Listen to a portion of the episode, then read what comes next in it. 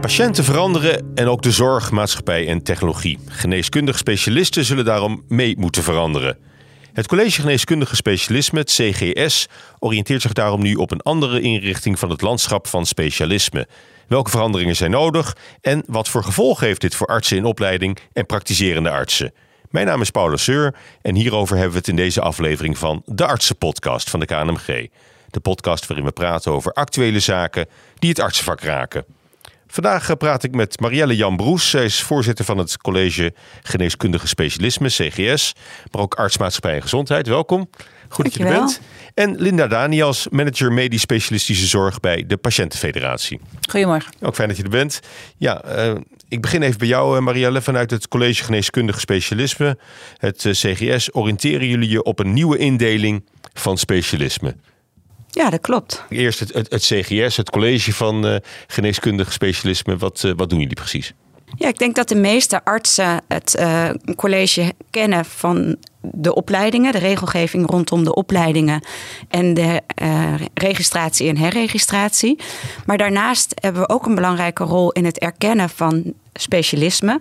En ook het opheffen van specialisme, dat, maar dat doen we niet zo vaak. Een recent voorbeeld daarvan waren de, de eerste hulpartsen uh, die we erkend hebben als medisch specialist. En vanuit die rol um, zijn we ook, of kijken we ook naar het totaalplaatje van het landschap. Hoe ziet dat er nou uit? En um, is dat ook het landschap wat we in de toekomst nodig hebben? Dus wij voelen ons ook verantwoordelijk om wat verder vooruit te kijken. En te kijken wat betekent het als we nieuwe specialisme erkennen. En blijven we dan voldoen aan wat we in de toekomst nodig hebben? Ja, en geef eens een beeld van het specialisme landschap. Wat, wat zien we dan? Nou, als je kijkt. Uh, toen de registratie voor geneeskundig specialisme begon in 1931, toen hadden we 21 specialismen. En als we nu kijken, dan is dat gegroeid naar 47.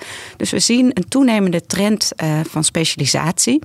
En we hebben al een paar jaar geleden als uh, CGS gezegd dat we dat wat um, willen uh, verminderen of wat, wat willen afremmen. Maar als je dat niet doet, dan blijft het groeien. We zien een continu een, een, een, wens om toch verder te specialiseren. En wij denken dat. Ja, toch ook weer de eerste hulpartsen die nu als Precies, specialisten is, erkend worden. Dat klopt, dat ja. is een mooi voorbeeld. Dus als je niks doet, blijft het groeien. En wij denken dat dat niet uh, leidt tot de goede zorg voor wat we in de toekomst nodig hebben. Ja. Vandaar ook die, die heroriëntatie op het specialisme landschap? Ja, precies. Als je, als je geen visie hebt over waar het naartoe moet, dan is het heel lastig sturen. En dan doe je wat er vandaag de dag gevraagd wordt. Maar wij, wij vinden en wij voelen ons als, als college verantwoordelijk om daar wel een visie op te ontwikkelen. En dat is eigenlijk wat we met de houtskoolschets doen. We bieden een perspectief waar we graag met alle partijen over in gesprek willen, is dat inderdaad hoe we het in moeten gaan vullen in de toekomst. Ja, want jullie moeten daar wel over in, in gesprek. Het is niet iets wat jullie zelf kunnen, kunnen bepalen zomaar. Nee, zeker niet. Kijk, wij gaan over alle specialismen. Dus wat, um, zowel de, de specialismen in cluster 1 in cluster 2 en in cluster 3. Um, en het gaat over het hele plaatje. Dus we moeten echt kijken in gesprek met iedereen die daarbij betrokken is wat is er nodig? En wij kunnen een richting bieden, maar ja, we zullen samen moeten komen tot, tot het, het uiteindelijke mm -hmm. plaatje en de stappen die daarvoor nodig zijn. En die specialismen, een kleine 50 hè, die nu er, erkend worden, uh, dat, dat, is, dat zijn de, de, de chirurgen, de cardiologen, uh, de, zeg maar de, de gynaecologen. Ja, dat klopt. De huisartsen, de specialisten ouderengeneeskunde, de artsenmaatschappij gezondheid, bedrijfsartsen, maar inderdaad ook neurologen en uh, oh, maar, maar, dus, maar dus, dus niet alleen die, die klassieke die, die we misschien als als, als leek of als patiënt eh, als in eerste instantie voor ogen hebben. Nee, dat klopt. En ik denk dat het ook belangrijk is om naar het hele spectrum te kijken. Want juist al die hmm. kennis en expertise, die is belangrijk in de toekomst. Dus iedereen blijft meedoen. Maar ik denk wel dat het anders geordend moet gaan worden. Ja, en uh, Linda Daniels als patiëntfederatie, patiëntenfederatie, zijn jullie daar ook op die manier bij betrokken? Ja, wij zijn betrokken bij, uh, bij, dat, uh, bij de houtzoosgelds, omdat we hebben ons is gevraagd van wat vinden jullie ervan? Wat vinden jullie ervan als wij, uh, als wij komen tot kennisspecialisme en sommige subspecialismen? Ehm, en dat hebben wij enthousiast omarmd. En ja, waarom? Ja, en waarom zouden we dat enthousiast omarmen? Omdat wij zien dat mensen steeds meervoudige klachten hebben, multimorbiditeit. En dan uh, is het goed dat naar de mens wordt gekeken, niet alleen naar uh, naar een bepaald orgaan of een bepaalde ziekte. Dus, die, dus het breder kijken, dat vinden wij belangrijk uh, in ziekenhuizen. Uh, maar met de komst van het integraal zorgakkoord, waar je ook gaat naar het sociaal domein, de eerste lijn, de tweede lijn, een betere samenwerking, is het nog beter nodig om te kijken naar kernspecialisme. Mm -hmm. En wat wij merken is dat er heel veel uh, subspecialismen zijn, hè, om het op die manier te zeggen. Dus mensen specialiseren zich steeds verder. Dat is ook nodig, hè, want mm -hmm. als je een oncologische patiënt hebt, dan wil je ook naar de, naar de grootste specialist. Maar dat is voor heel veel andere mensen en ziekten gewoon niet nodig. Dus uh, heel erg mooi en dapper dat die houtskoolschetser is. Want dat ja. uh, is een stap vooruit naar die, dat, dat veranderende landschap. Ja, dat is ook een mooi woord, hè? houtskoolschets. Dat, dat, dat zijn wel hele grove streken. Dus het uh, staat nog een beetje in de kinderschoenen, die heroriëntatie? Of is het al, uh, al lang aan de gang? Nee, we zijn er al een tijd mee bezig. Want het zijn natuurlijk geen...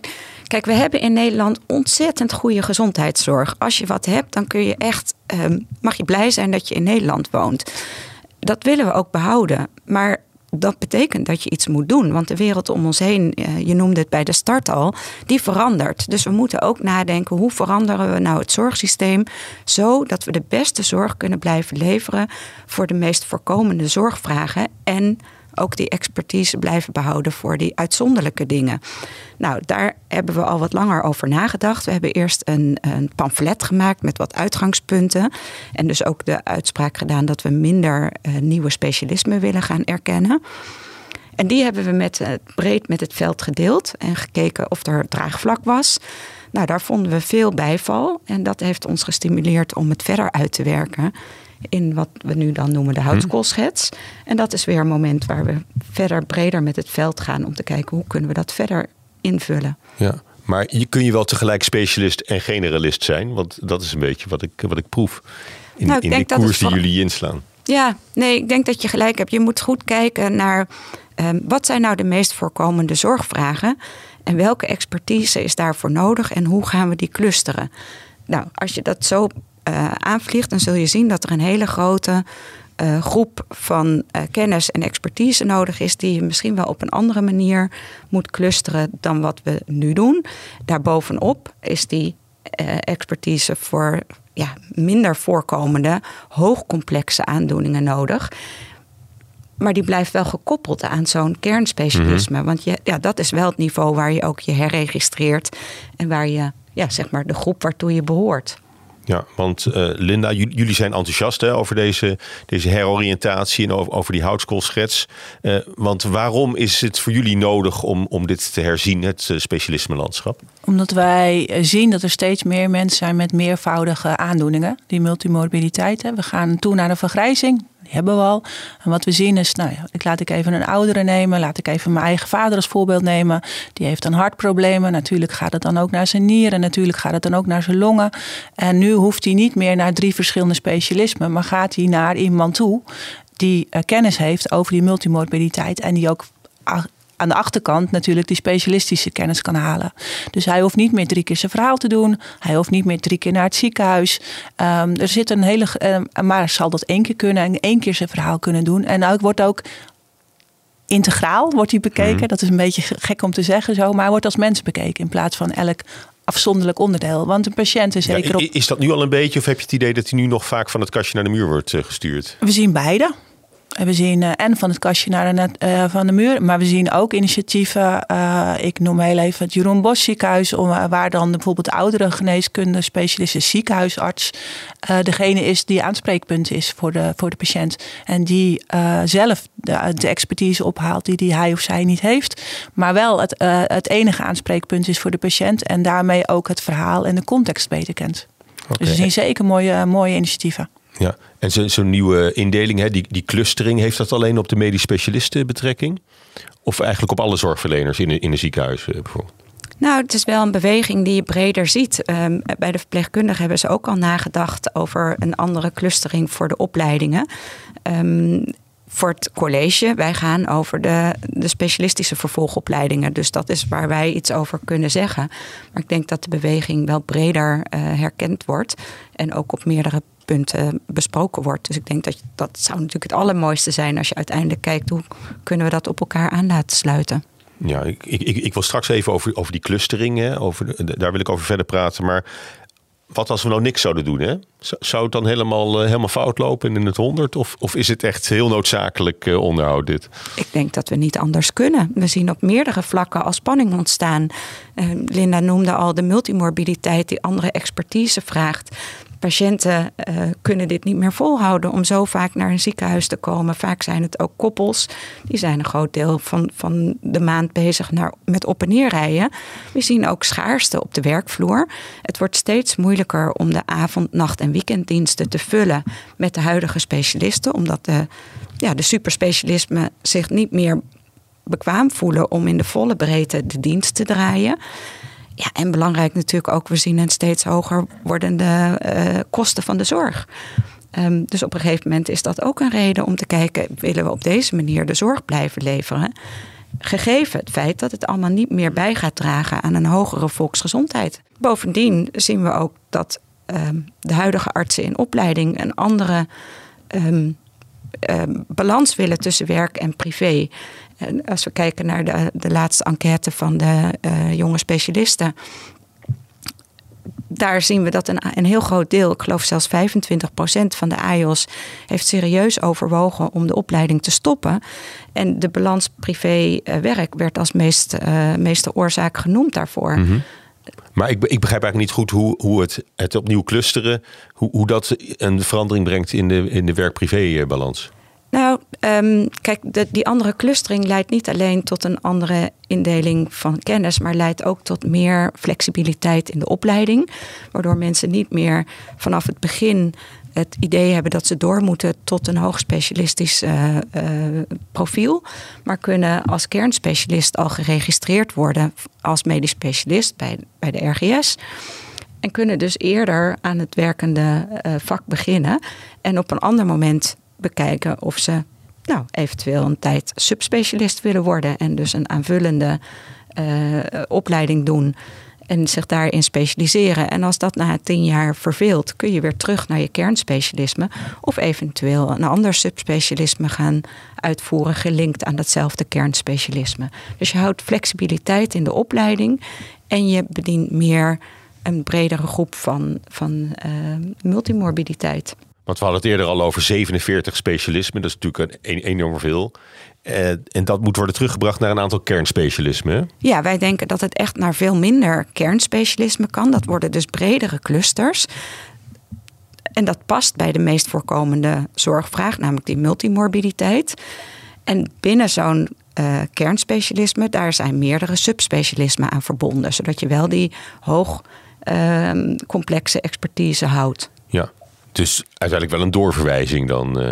Ja, je kunt heel goed verwijzen naar een, een subspecialist als dat nodig is. Maar je kunt dus ook weer snel terug naar je kernspecialist, zodat je ja, daar eigenlijk de coördinatie van de zorg hebt.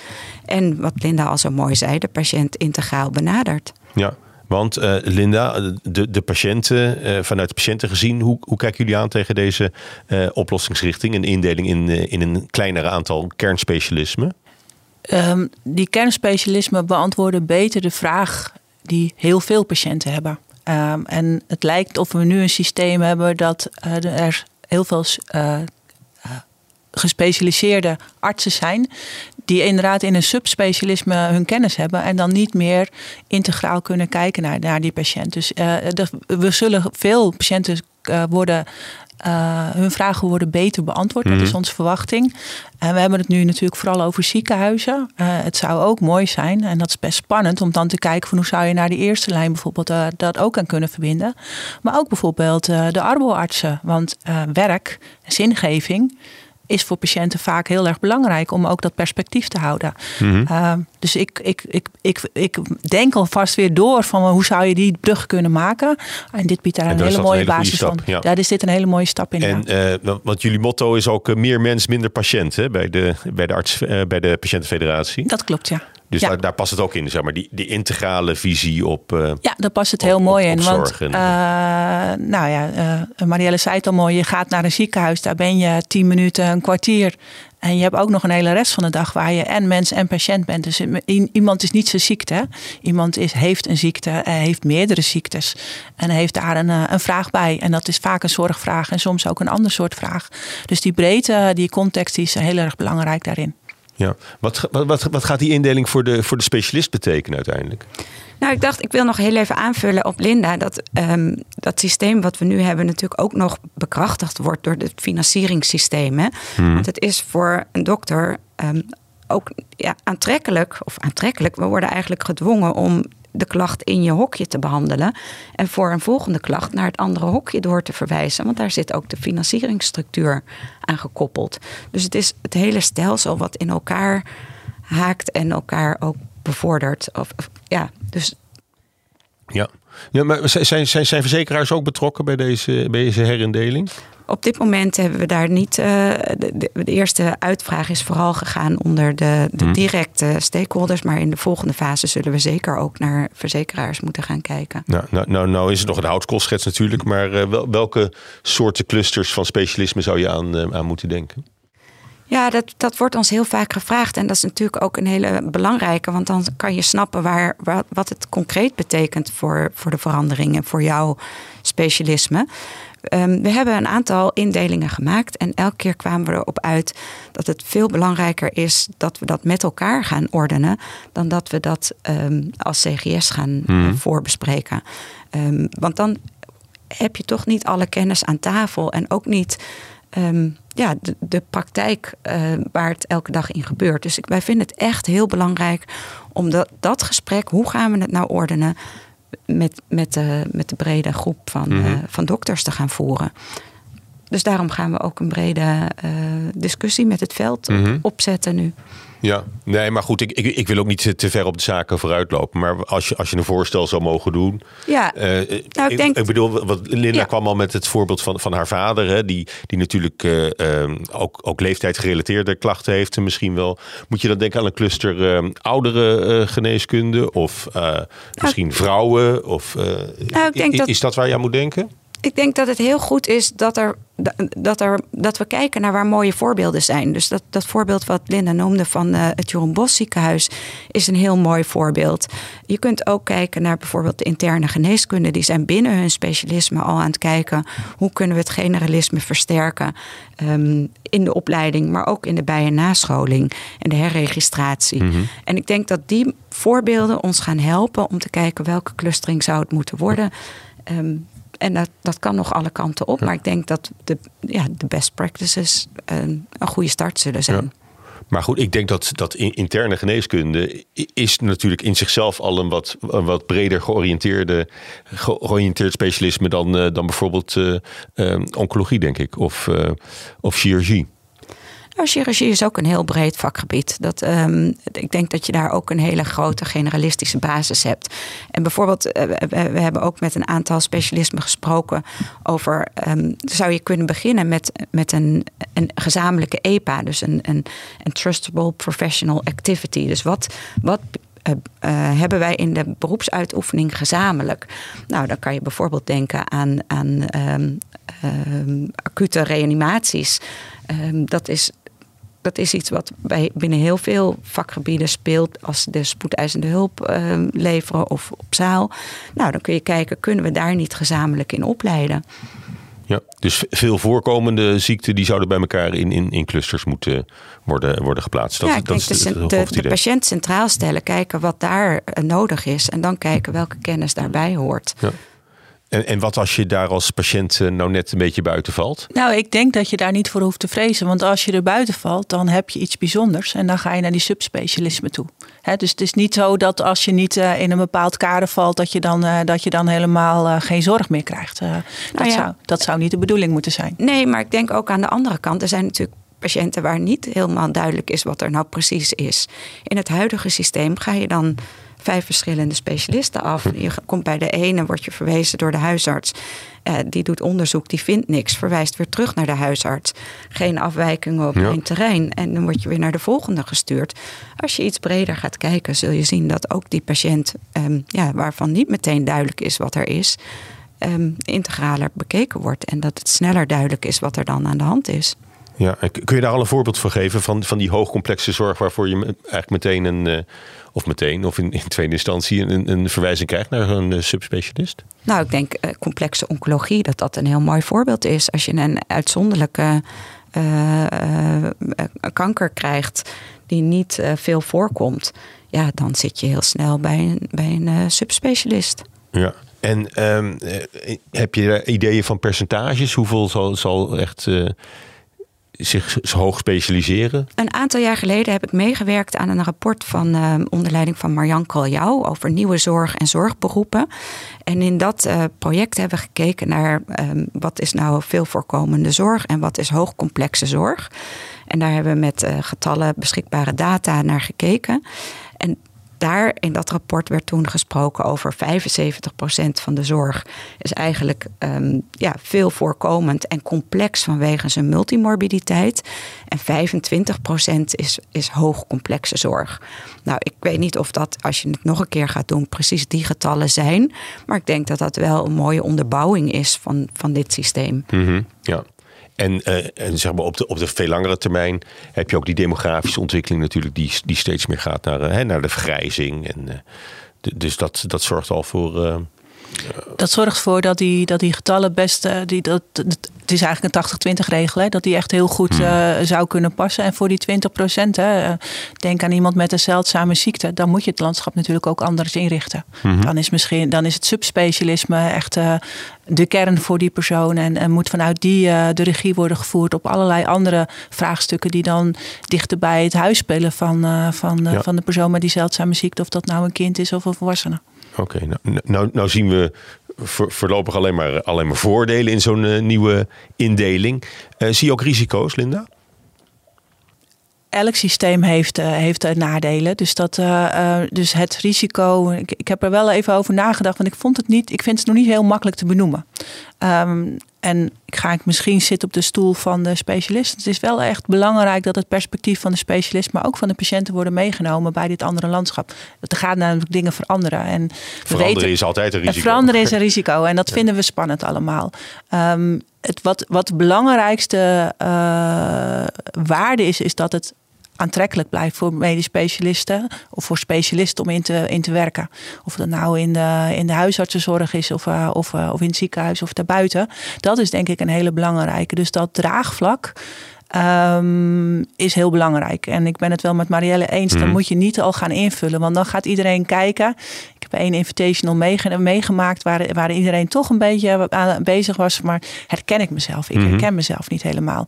En dat is echt wel Um, dat vind ik het mooie van de houtzoolschel en ook het moeilijke. Want je bent niet meteen zichtbaar. Voor patiënten maar dat zijn meer, veel dat meer... Zegt, dat zegt meer over het proces dan over, over het systeem waar jullie naar, naartoe willen. Ja, nou wat ik waar hoop... jullie allebei naartoe willen volgens ja, mij. Wat ik hoop dat het proces ook ondersteunt. Dat het, dat het echt integraal is binnen en hm. buiten een ziekenhuis. Nou, daar gaan we met het integraal zorgakkoord maken we daar stappen. Ja, dus is... Het, het, het, belangrijkste is dat het afhankelijk is van heel veel componenten in de zorg. Hè. Dus Mhm. het moet goed ondersteund worden met de bekostiging Ja. en, en dergelijke. Dus Ja. ehm, het is fragiel, eh, en, eh, maar een hele goede beweging om verder te gaan. Ja. Want Marielle, dat, dat, eh, dat, dat proces is natuurlijk een, een, een veranderingsproces, hè, een transitie die je ingaat met elkaar.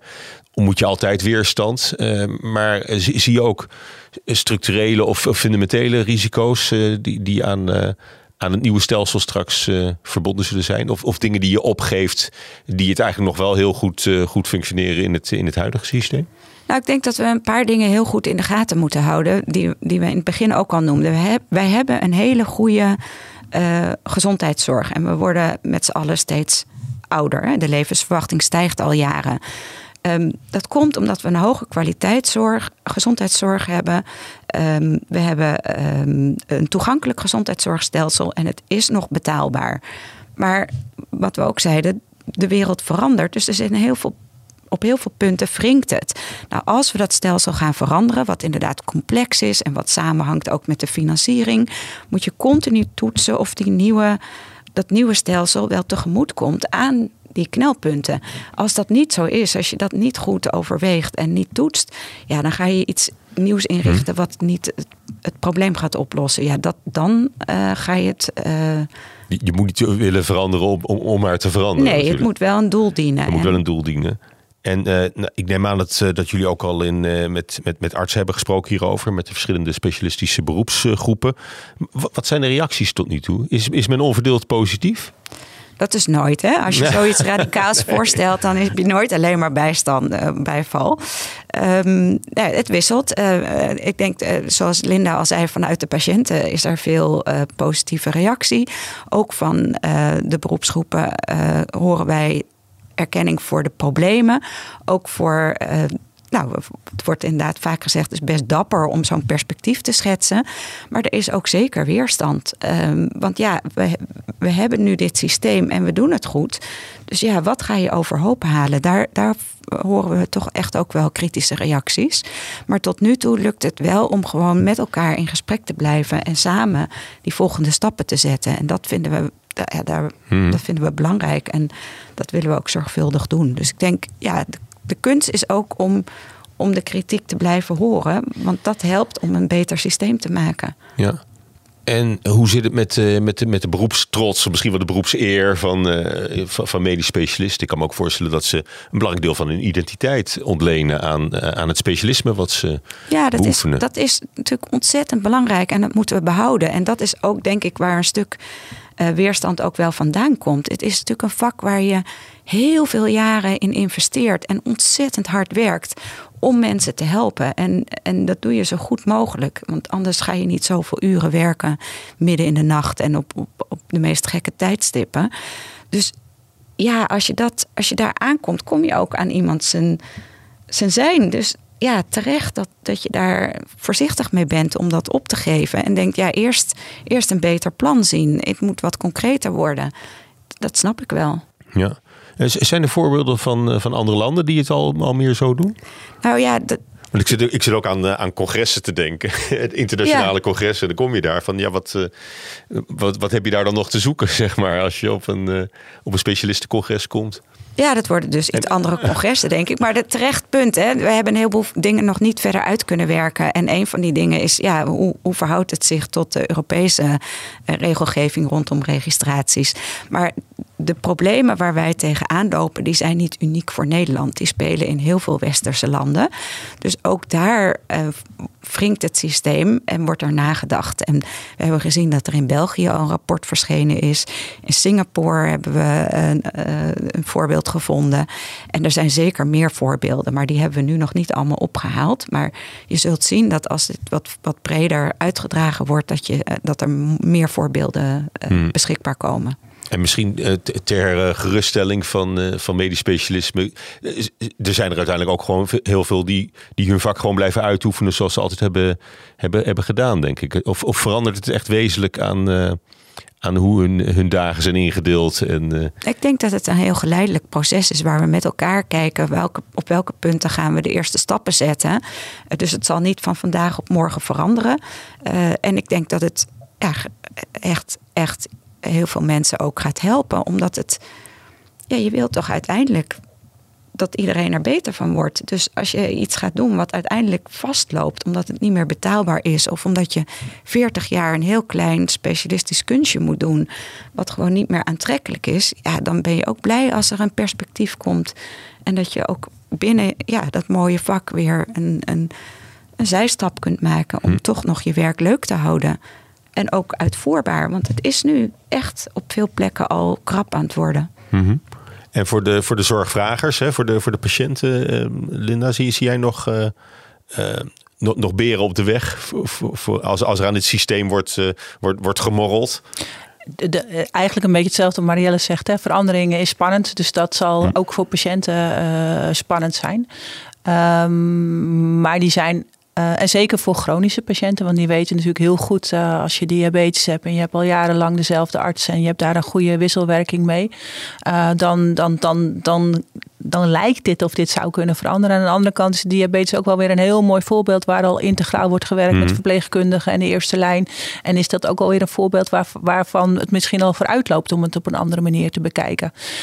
Um, dus ik, ik, heb, eh, nee, ik heb niet per se dat ik denk van nou, dat gaat helemaal, helemaal spaak lopen en, en patiënten herkennen zich niet meer. Ik denk dat dat een hele belangrijke is. Ehm, en een hele belangrijke blijft dat er subspecialismen blijven voor juist voor die mensen met een, met een, zeldzame, met een zeldzame ziekte of een, iets zeldzaams en dat ze daar wel verder kunnen. Ik hoop wel dat we. Uh, de kennis en de kunde van uh, die, die kennisspecialismen, dat die breed zijn en ook breed worden gedeeld. Uh, zodat je die verwijzing naar, naar een subspecialisme, wat, wat het nu al lijkt of dat het hoger is, dat we daar ook voorbij gaan. Dat de kernspecialisme echt uh, de basis en de kern en het hoogste is. Want daar wordt iemand integraal gezien.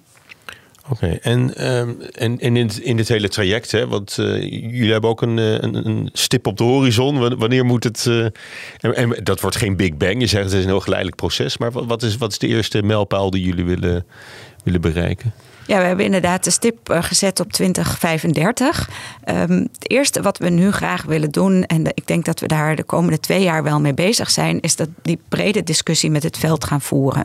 Dus daar zijn we nu een structuur voor aan het bedenken. Ehm, hoe gaan we dat opzetten? En uit die discussie zal, zal um, nou ik denk misschien die, die mooie voorbeelden, hè, uh, een aanleiding zijn om te kijken, kunnen we een kleine pilot gaan uitvoeren of kunnen we een eerste stap zetten in nou, het sturen op de, de uh, bij- en nascholing en de herregistratie. Um, zo kun je kleine mhm. stappen zetten die uiteindelijk gaan leiden tot nou, wat grotere veranderingen in 2035. En hoe vindt die dialoog met het veld uh, plaats? Waar is de ruimte om, om nog ideeën in te brengen van buitenaf? Ja, Jullie willen dat als CGS niet, eh, niet opleggen? Nee, en we gaan dat dus ook niet alleen doen. We, we, we zijn op zoek naar een bureau wat ons daarin kan ondersteunen. En die ruimte om inbreng te leveren, die is er de komende twee jaar heel uitgebreid. Dus daar eh, willen we ook iedereen juist voor aanmoedigen om daarin mee te doen. En, en eh, dat we gezamenlijk die volgende, of die verdere invulling gaan brengen en ook de volgende stappen kunnen zetten. Ja. En het betekent sowieso dat de, dat de opleidingen aangepast eh, gaan worden, maar dat allemaal pas na 2035. Ja, we krijgen een verandering in de opleiding. Dus we krijgen echt uh, ja, opleidingen die opleiden tot kernspecialist. En daar word je ook in geregistreerd. Dat betekent dat we meer flexibiliteit in die opleiding hebben, maar ook flexibiliteit in de beroepsuitoefening. Dus zowel de opleiding als de beroepsuitoefening zal veranderen. Um, wanneer de eerste veranderingen in de opleiding plaatsvinden, ja, dat zal nog wel, zeg maar, in de, in de omvang van een kernspecialist, dat zal nog wel even duren. Maar mogelijk kunnen we wel al, al tussenstappen zetten. Nou, zoals bijvoorbeeld uh, de interne geneeskunde al laat mhm. zien. Ja, en artsen die al een specialistische opleiding hebben gevolgd en, en al werkzaam zijn in dat specialisme, moeten die allemaal terug naar, uh, naar de collegebank? Nee, daar moeten we natuurlijk een overgangsregeling voor bedenken. Je kunt niet zomaar zeggen dat je niet meer kunt functioneren. We moeten heel goed kijken hoe we dat in elkaar over laten lopen. En dat, dat, uh, dat zullen we ook samen moeten bekijken. Dat, wij kunnen dat ondersteunen vanuit het college. Hmm. Maar we moeten wel met elkaar kijken wat de beste manier is om dat soepel te laten. We kunnen niet tegen de patiënten zeggen: we zijn even een jaar dicht, want we moeten alles herorganiseren. Dat kan niet. Oké, en uh, als patiëntenfederatie, uh, Linda, hoe, hoe gaan jullie dit proces uh, volgen? Nou, we zijn eh, dus betrokken bij de houtkoolschets. En uh, Marielle zei net van ja, dat draagvlak bij de medisch specialist is belangrijk. En toen dacht ik ja, en ook bij de patiënt is belangrijk. Dus, dus uh, die brede, de brede de vragen bij verschillende stakeholders. Nou, of het nou ziekenhuizen zijn, kan ik me voorstellen, maar ook de eerste lijn. Maar juist ook patiënten. Um, is heel belangrijk. En ik denk dat het ook heel belangrijk is omdat je gewoon ook meningen hoort van patiënten van zo ervaar ik het nu. En dit vind ik fijn mhm. en dit vind ik niet fijn. En ik denk dat dat, ik maak hem bewust even heel klein, want ik denk dat dat namelijk heel waardevol is uh, uh, om die erin mee te nemen. En dat kunnen we op verschillende manieren doen. We hebben een groot panel van ruim 20.000 mensen waar we het kunnen uitvragen. We hebben natuurlijk een, heel veel leden waar we dingen kunnen uitvragen. Het, hoeft niet altijd de patiëntenfederatie zijn, kunnen ook de verschillende groepen zijn. Um, want dit zijn wel de vraagstukken waar ook onze, onze leden en, en, en tegenaan lopen van hoe moet je dat landschap nu zien. Um, en in dat landschap hoort ook een andere, uh, een andere opleiding bij en een ander echt letterlijk een ander landschap. Misschien wel geen ziekenhuizen meer, maar op een andere manier de zorg georganiseerd. Dank jullie wel. Ik denk dat, dat de eerste stappen wel zijn gezet op, op dit pad. Maar het is nog een, nog een lange weg. Maar er zijn een hoop hoop, stappen die, die, die gezet eh, gaan worden. Dank jullie wel voor dit, eh, dit gesprek. Eh, Marielle Jan Broes, voorzitter van het College Geneeskundige Specialisme, CGS, ook artsmaatschappij en gezondheid. En Linda Daniels, manager medisch specialistische zorg bij de Patiëntenfederatie. Dank jullie wel. Dank je wel. Graag gedaan.